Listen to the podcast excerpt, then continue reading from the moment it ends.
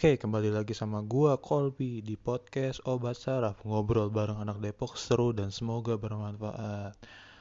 Ya, setelah 5 episode ini akhirnya gua kembali membuat episode baru di episode 6 ini gua akan mencoba membahas tentang diri gue sendiri ya. Jadi setelah 1 2 3 4 5 episode gua bahas tentang uh, kehidupan orang, kayaknya nggak afdol kalau misalkan di podcast gue sendiri. Gue nggak membahas tentang diri gue sendiri ya gitu. Jadi mungkin di segmen kali ini gue bakal cerita sedikit tentang gue gitu. Dan mungkin concernnya di episode ini gue akan membahas tentang titik balik hidup gue yang sudah gue rasakan di satu tahun yang lalu ya. Di mungkin di usia gue yang ke 20 iya sih. Jadi di uh, langsung aja ya jadi di usia gue yang ke-20 tepat uh, sekitar satu tahun yang lalu itu gue apa ya uh, semacam di suatu malam tuh kayak gue mencoba muasabah ya bahasanya gitu kayak merenung gitu. Uh, sebelum tidur di atas kasur biasa gue suka duduk dulu lama gitu sambil mikir. Uh, ya gue sedikit rewind lah sekitar sejam lah tentang ngapain aja sih gue selama 20 tahun ini gitu. Karena gue ya mungkin semua orang merasakan nih kayak waktu kok cepet banget gitu loh gitu. Dan gue udah di usia 20 aja gitu. Gue masih di sini-sini aja dan sedangkan gue melihat teman-teman gue tuh udah ada yang wah bisa dibilang sukses sih ya pak dengan ukuran kalau kita mengukur dengan apa ya uang gitu ya itu bisa dibilang sukses gitu. Tapi apa ya uh, di usia kepala dua gitu udah udah menginjak usia kepala dua gue merasa kok gue gini-gini aja? gitu kayak uh, yang nggak ada kontribusinya gitu. Kayak hidup sekedar hidup kerja sekedar kerja kayak gak punya tujuan gitu kayak apa sih gue ini? gitu gue juga kepikiran kata-katanya Buya Hamka ya di bukunya gitu. Kalau hidup sekadar hidup monyet pun di hutan bisa hidup. Kalau kerja hanya sekedar hidup hanya untuk sekadar bekerja kerbau pun seperti itu di sawah gitu. Dan ya gue kayak masa gue disamain sih sama hewan? Gitu loh. Dan itu gue merasa gue harus melakukan sesuatu gitu harus berbuat sesuatu gitu jadi mulai di malam itu gue lupa ya malam apa gitu. Ya gue memikirkan untuk membuat planning hidup gitu lah. Awalnya gue membuat planning uh, sekitar jangka pendek dulu ya. De, besoknya gue mau ngapain tuh gue bikin planning dari bangun pagi sampai malam. Keesokan hari gue bikin planning seminggu gue harus ngapain aja gue mau ke mana aja. Terus di hari-hari berikutnya gue membuat rancangan uh, cukup besar ya di rentang usia gue 20 sampai 30 gue uh, apa yang mau gue lakuin di usia 30 sampai 40 apa aja dan seterusnya gitu. Jadi gue mencoba untuk memikirkan uh, jangka panjangnya gitu di range uh, sekitar 10 tahun hidup gue tapi gue belum mendetailkan itu ya baru sekedar uh, mikirin uh, apa aja sih yang mau gue lakuin di 10 tahun ke depan 20 tahun yang akan mendatang gitu. Karena gue sadar posisi gue sebagai laki-laki ya ya tanggung jawab gue cukup besar uh, sebagai laki-laki gitu. Ant uh, di antara yang ngurus orang tua entah nanti gue akan menikah dan mencari nafkah gitu. Uh, terus gue mempunyai nanti punya mertua gue ngurusnya gimana gue harus beli rumah nanti gue punya anak gue harus meng, uh, menghidupi mereka. Gue juga memikirkan pendidikan gue nanti mau jadi apa gitu nanti kerjanya mau gimana gitu. Jadi gue uh, apa ya kayak suatu momen gue memikirkan itu semua gitu entah kenapa gitu. Karena sebelumnya gue gak pernah mikirin kayak hidup ya hidup aja gitu gimana besok gitu. Kayak gue menghadapi oh besok ada tugas ini gue ngerjain gitu uh, besok ada kuliah ini ya udah kuliah gitu. Ya maksudnya gitu-gitu aja gitu. Sampai waktu itu kecepat banget gitu kerasanya. Dan mau gak mau ya gue harus do it something gitu. Maksudnya iya gue gitu aja selama 20 tahun gitu. Dan ya titik balik gue adalah gue membuat rencana hidup gitu. Karena sebelum sebelumnya gue ya hidup jalanin aja gitu kayak ya ya udah jalanin aja gitu. Gimana sih jelasinnya? Ya ya you life for tomorrow aja. Gak pernah mikirin seminggu mau ngapain besok mau ngapain gitu. Uh, paling besok mau ngapain tuh ya karena kewajiban kayak dulu kayak SMA dulu sekolah uh, sekolah sampai sore sampai siang. Kalau di kampus ya juga gue jalanin aja. Entah itu olahraga makan bareng kuliah. Ya, ya gitu-gitu aja. Jadi gue hanya menjalankan rutinitas uh, seperti biasanya gitu. Tanpa memikirkan gue tuh harusnya ngapain loh gitu. Maksudnya di setiap kegiatan aktivitas gue tuh harusnya gue melakukan apa gitu dan memaknai seperti apa gitu. Kayak uh, apa ya gue tuh diberi waktu diberi nyawa diberikan kehidupan kayaknya nggak mungkin kalau gue nggak punya tujuan gitu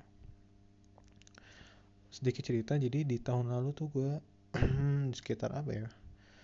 Uh, Agustus gitu. Jadi gue uh, gue tuh punya ini ya apa punya senior di pramuka yang uh, cukup paham tentang uh, agama gitu. Dan dia pun baru belajar di tiga tahun dua tahun belakangan ini gitu. Jadi gue uh, sama senior gue tuh suka apa ya berdiskusi suka tukar pikiran gitu tentang uh, apa ya agama gitu. Jadi ya dulu yang gue tahu ya agama sekedar ibadah gitu ibadah ritual kayak sholat zakat puasa haji gitu lah intinya gitu. Dan setelah gue tahu ternyata agama gue tuh ngajarin banyak hal gitu tentang hidup.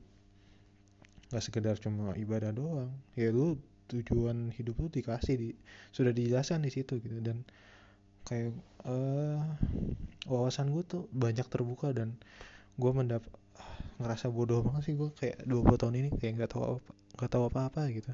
Dan tiba-tiba gue terbuka dengan suatu ilmu baru gitu. Jadi di situ gue mulai uh, tertarik untuk terus belajar gitu. Karena banyak hal baru yang gue sering gue dapat kan entah itu dari cara belajar cara membaca cara memahami sesuatu cara mengendalikan nafsu mengendalikan jiwa gitu.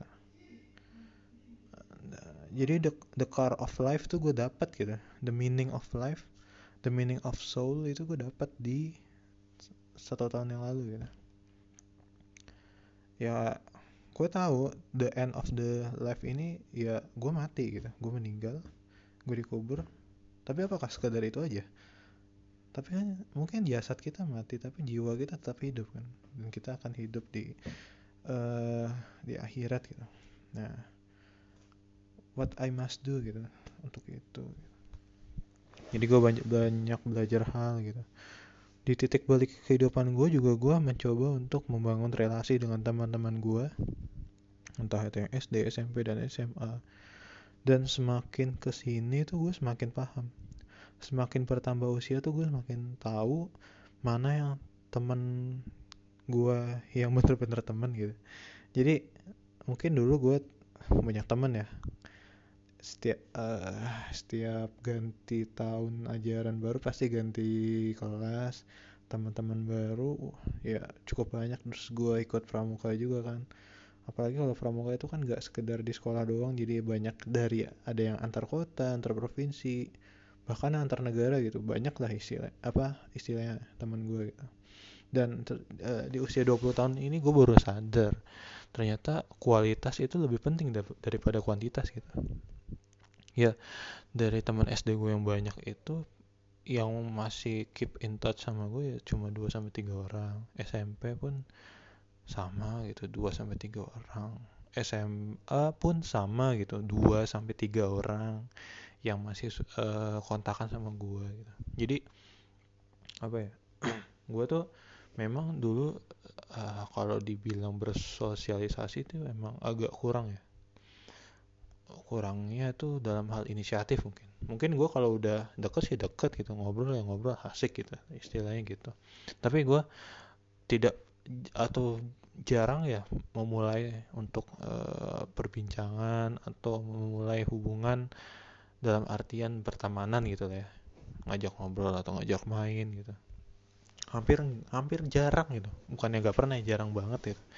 Sampai teman-teman gue tuh yang deket sih ya, bisa dihitung jari gitu. Dan gue cukup pemilih ya dulu sama temen. Bukan berarti gue sombong atau gimana tapi memang orang tua gue mengajarkan untuk uh, lu harus pinter-pinter milih temen lah intinya gitu.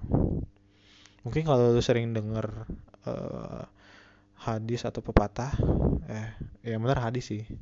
Kalau lu bergaul dengan minyak wangi ya lu bakal ke, kotoran wanginya. Kalau lu gaul sama tukang las ya lu bakal ke, uh, kecipratan juga.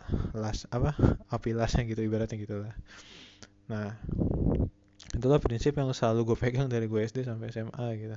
Gue pemilih banget temennya. Karena jujur aja gue tuh ngerasa temen gue tuh agak berandal gitu istilahnya gitu di SMA gitu. Karena kalau di SD sampai SMP tuh orang-orangnya masih ya satu satu lingkungan lah gitu. Jadi gue kenal lah lingkungannya gimana dan tempat tinggal gue tuh masih Depok Depok pinggiran gitu. Jadi jauh dari kota jadi orang-orangnya juga seringnya main-mainnya di situ-situ aja gitu.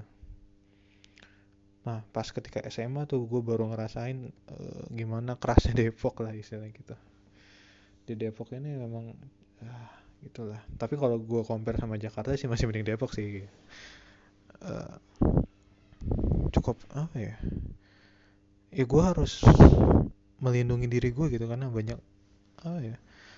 Uh, teman gue yang di SMA itu banyak kan tinggalnya di Jakarta gitu dan uh, pergaulan itu sangat sangat bebas lah istilahnya gitu dan ada yang aduh gue gue tuh baru pertama kali ya kayak teman ngerokok di kelas gitu terus suka ke klub klub malam gitu gitu.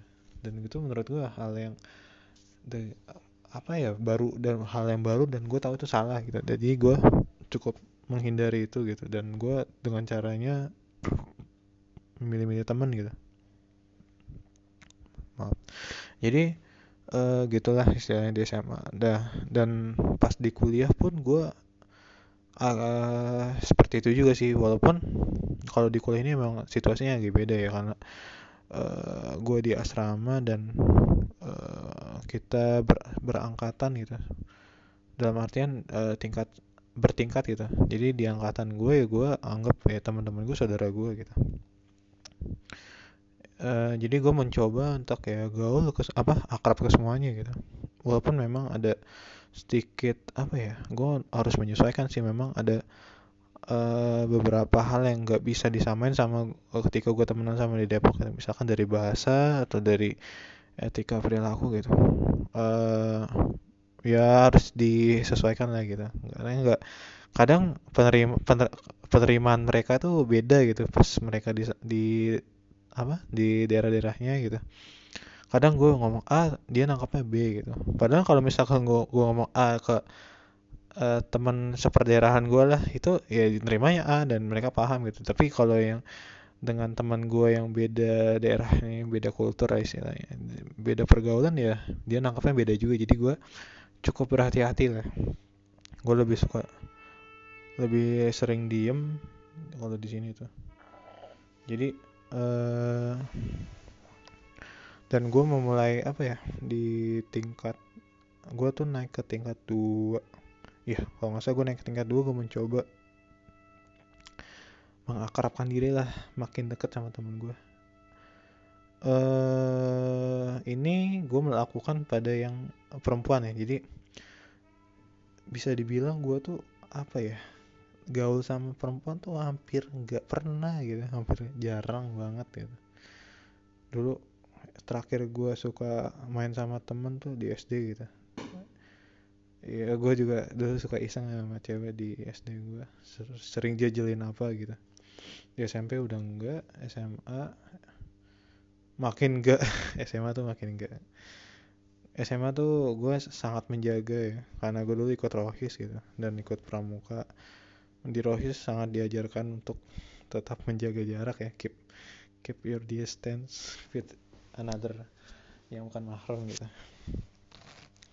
Ya gitulah. Cukup uh, strict juga gue sama perempuan gitu. Dan gue samping gak bingung kalau ngadepin perempuan tuh gimana gitu. Kadang suka marah kadang ini, ini orang kenapa sih? gitu. Gue terus sampai akhirnya tuh uh, apa ya?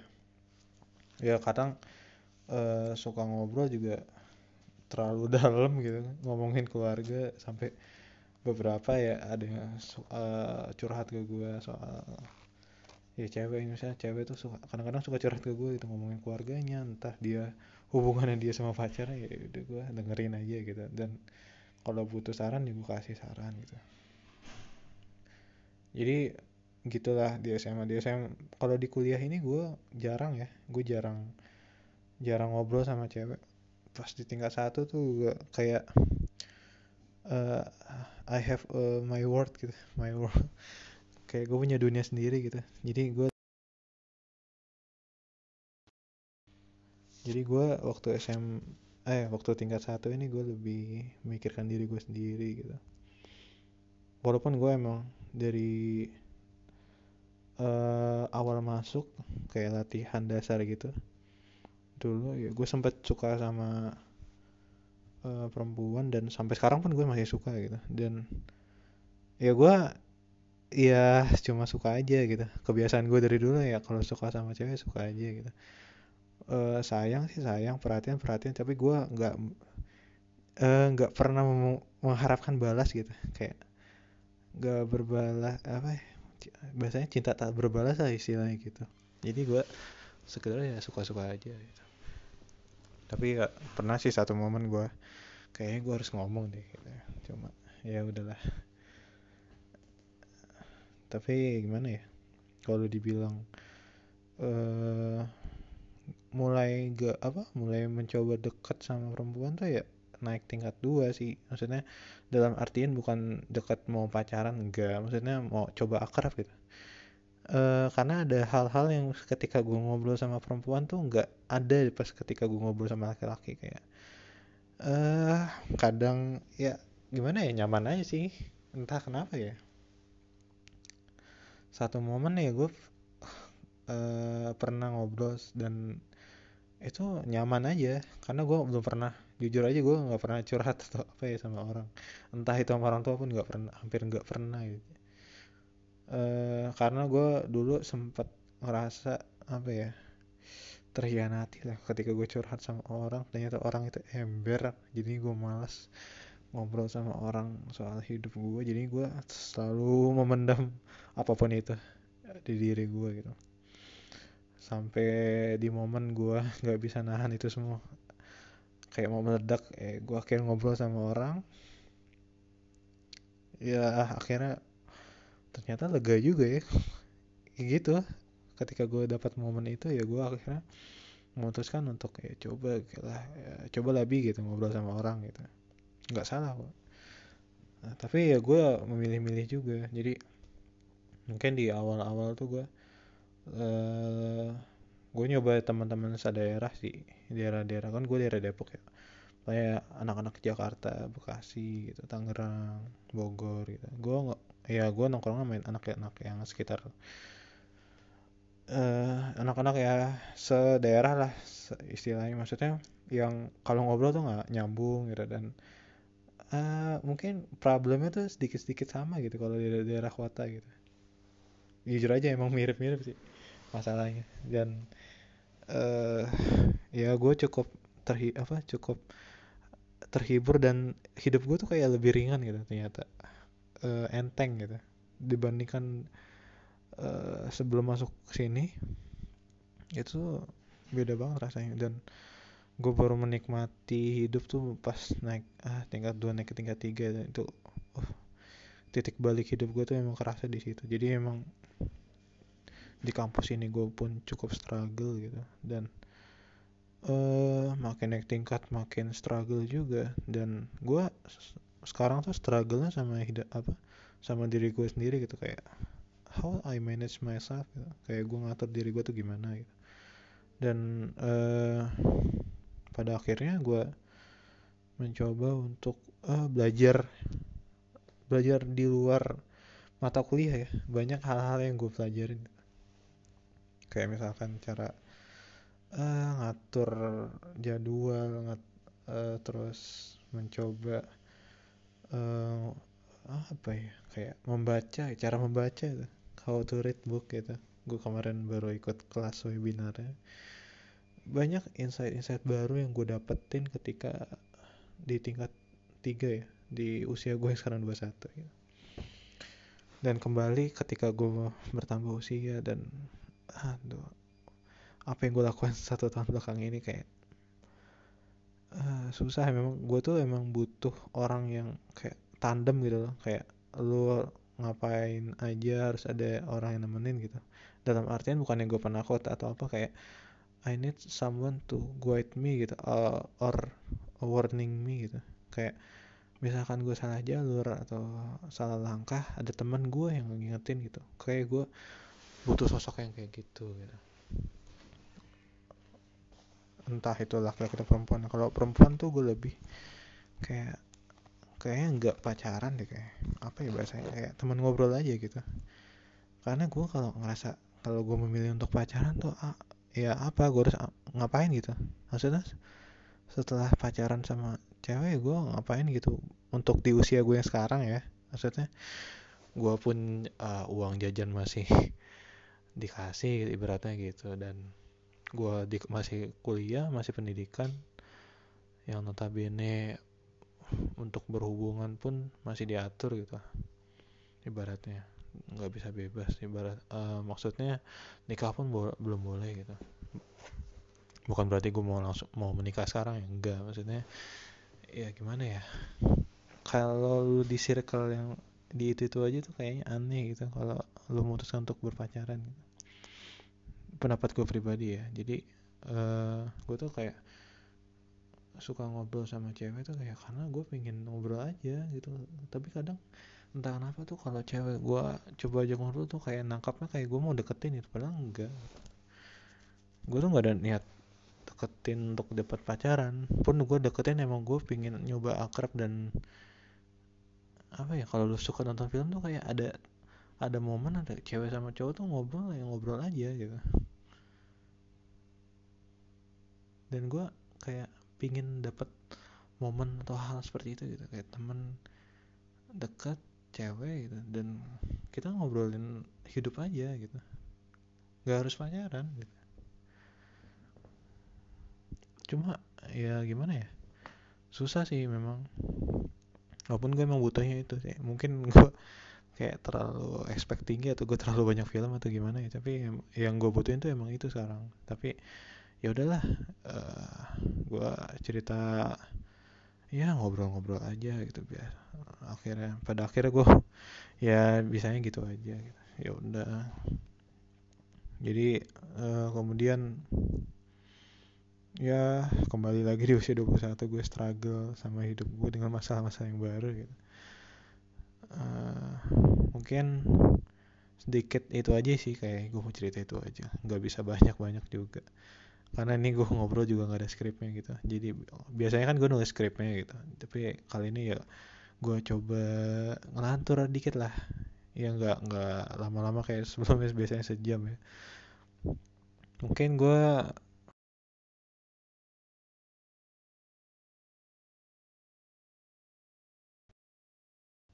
dikit apa pendek. Mungkin itu aja sih.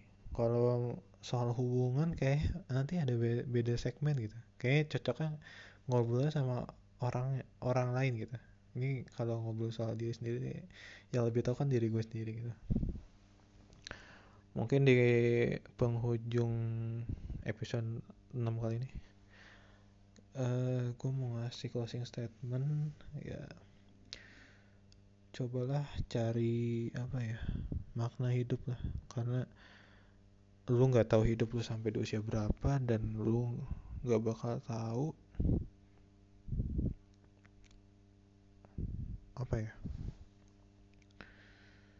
lu nggak bakal tahu hidup lu mau ngapain kalau lu yang kalau bukan lu yang ngerancanain diri eh, bukan kalau bukan lu yang ngerancanain gitu masa iya kita uh, akan hidup dalam bimbingan orang tua istilahnya selama hidup enggak lah. Maksudnya di ketika lo sudah mencapai usia 20 entah gue nggak mematok di usia 20 sih ketika lo menyadari uh, lo tuh hidup harus bagaimana dan harus seperti apa cobalah untuk merenung gitu muhasabah catat apa yang mau lakuin.